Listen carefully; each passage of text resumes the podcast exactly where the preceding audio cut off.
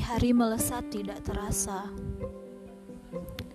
2000 polybag yang berbaris rapi di bawah bangunan penyamai dipenuhi oleh batang kopi muda yang mulai tumbuh tinggi. Daunnya tidak lagi dua, tapi sudah enam dan delapan. Hijau, lebar, dan segar. Batangnya lurus dan gagah semua batang kopi muda tumbuh rata, bagai serdadu yang berbaris. Tidak ada yang lebih tinggi, pun tidak lebih rendah. Ini bibit yang hebat sekali, Juha. Paman Unus menatap seluruh polybag. Belum pernah aku melihat 2000 biji kopi yang tumbuh seragam dengan cepat.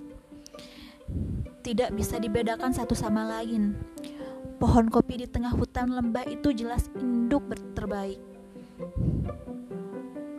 Juha yang berdiri di belakang paman Unus manggut-manggut, mengangguk. Memangnya kau mengerti? Pendi di sebelahnya berbisik menyikut.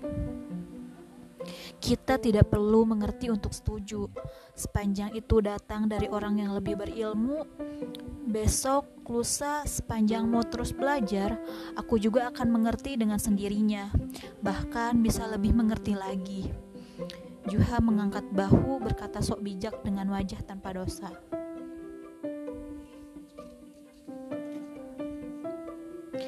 Pendi menepuk dahinya. Kau sepertinya terlalu lama memelototi betang kopi itu, Juha. Jadinya kacau mabuk kecambah begini. Paman Unus tertawa mendengar dua karib itu saling olok. Kita masih butuh waktu lama agar semua bibit ini siap. Sementara Amel dan teman-temannya berkeliling kampung, menjelaskan tentang usaha ini. Pastikan kalian berdua merawatnya dengan baik. Siap kak, Juha menjawab semangat. Rawat sebaik mungkin, Aku tahu kalian berdua bahkan jarang gosok gigi dengan teratur. Tapi bibit-bibit ini harus disiram dengan teratur, paham? Juha dan Pendi saling merilik nyir, mengangguk serempak. Sementara setiap pulang sekolah, setelah lonceng dipukul kencang oleh Pak Pukat, aku, Maya, Noris, dan Tambusai berlarian pulang cepat-cepat berganti baju, makan siang, sholat, kemudian berkumpul di rumah panggung. Sekarang kami tidak akan mendatangi rumah-rumah penduduk karena beberapa penduduk ada yang bermalam di ladang. Seharian ada di sungai, sepanjang siang di hutan. Kami menyusul menemui mereka. Itu pengalaman yang seru dan menyenangkan. Seringnya kami berempat menjelaskan ke semua penduduk, tapi Pernah juga kami berempat dikerumuni oleh banyak orang yang ingin mendengarkan. Sering kami tertawa lega setelah menyelesaikan satu rumah panggung. Tidak sedikit pula turun dari anak tangga dengan wajah muram. Maya bahkan pernah menangis. Kami terpaksa ter berhenti berkeliling meski masih ada empat rumah lagi yang harus dikunjungi sore itu. Kertas-kertas yang diberikan oleh Noris dirobek oleh bapak-bapak yang kami datangi. Dasar pengecut. Jadi bujuk hanya mengirim kalian untuk menjelaskan masalah ini. Berlindung dari empat anak-anak ingusan, ha? Bapak itu mengamuk. Wajahnya merah padam. Noris dengan tenang segera izin pamit. Kami memutuskan kembali ke belakang sekolah. Suasana hati Maya saat itu buruk sekali.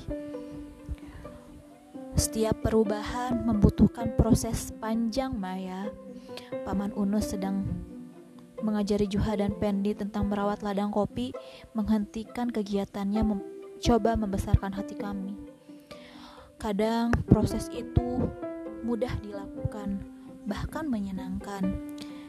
Kadang sebaliknya, menyakitkan makan hati. Karena orang-orang sudah terlanjur nyaman, terbiasa. Namanya juga diminta berubah, Anak kecil pun melawan saat diminta berubah, tapi kalian sudah memulainya dengan baik sekali. Paman Unus menatap kami satu persatu. Ada pepatah bijak, siapa pun yang tidak mengambil langkah pertama untuk memulai sesuatu, maka dia tidak akan pernah melihat hasil sesuatu tersebut. Tidak akan pernah. Tapi bapak itu merobek kertas-kertas kita, paman. Tamu saya menunjukkan potongan kertasnya. Paman Unus tersenyum. Itu benar. Lantas kenapa Tambusai? Apakah dia berarti merobek seluruh usaha ini? Coba kau lihat. 2000 batang kopi kita masih tumbuh dengan subur. Puluhan, bahkan ratusan penduduk yang kalian temui sudah mendukung. Itu hanya masalah kertas. Tapi kalau ada satu orang yang menolak, maka aku tahu satu orang menolak, maka usaha ini gagal dengan sendirinya. Dia belum menolak Tambusai, bahkan pertemuan kampung masih beberapa hari lagi. Apakah suara-suara sudah dihitung? Apakah keputusan telah diambil? Belum sama sekali. Paman Unus menepuk bahu Tambusai membesarkan hati. Kalian berempat berada di gerbang, di gerbang terdepan proses perubahan. Puluhan tahun petani lembah ini hanya menggunakan cara-cara bertani yang diwarisi begitu saja. Usia pohon kopi di ladang orang tua kalian lebih tua dibandingkan usia kalian.